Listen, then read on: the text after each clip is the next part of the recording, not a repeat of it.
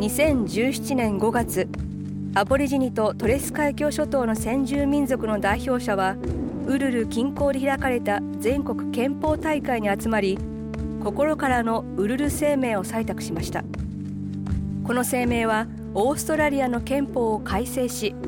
先住民ファーストネーションの声を憲法に明記すること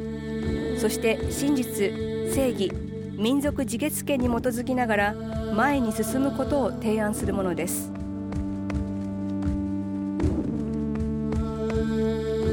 私たちは南の空を見上げるすべての地からこの2017年全国憲法大会に集まり心からの声明を発表します。私たちアボリジニとトレス海峡諸島の先住民族はオーストラリア大陸と近隣諸島で最初の主権国家であり独自の法律と慣習によりこれらの土地を所有してきました。これは私たちの伝統文化で見る世界創造の時から慣習法における太古の時代。そして学術的にも6万年以上前から私たちの祖先は土地を所有してきたのです。この主権とは精神的な概念です。土地や母なる自然との絆。その地で生まれたアボリジニとトレス海峡諸島の人々は祖先から続く絆で脈々とつながり人々は来るべき時が来れば祖先と一体となるべくその地に帰ることになります。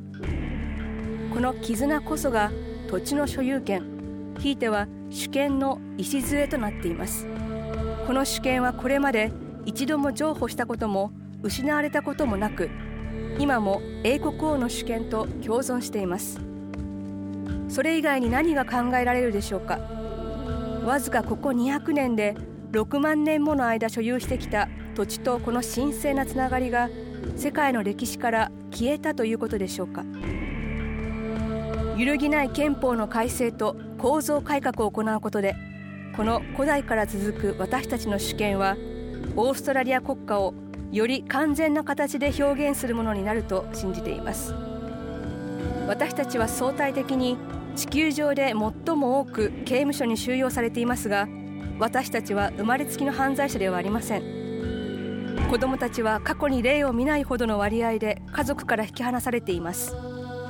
これは私たちが子どもたちを愛していないからということではありません。さらに私たちの将来への希望であるはずの若者たちは多くが収容所に送られ無意に過ごしています。こうした危機は私たちが直面する問題が構造的なものであることを端的に示しています。これは私たちが力を奪われていることによる無力さへの苦悩です。私たちは私たちに力を与え自分の国で正当な地位を築くために憲法の改正を求めています。自分たちの運命の舵取りを自らできるようになった時私たちの子孫は繁栄していくでしょう。子孫たちは2つの世界を歩み彼らの持つ文化は国に恩恵をもたらします。私たちは先住民族の声ファーストネーションの声の設置を憲法に明記することを求めます。マカラタは私たちの議題の集大成であり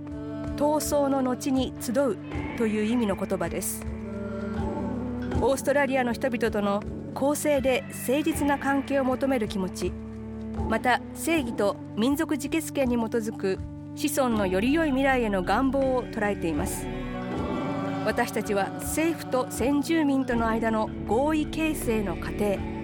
そして私たちの歴史の真実を伝えていく過程をマカラタ委員会が監督することを求めます。1967年私たちは人として国勢調査の対象となりました。2017年には私たちの声に耳を傾けるよう要望します。私たちはこの出発点を後にしこの広大な国の各地へと旅を始めます。オーストラリア人によるより良い未来のための取り組みを共に歩んでいきましょう。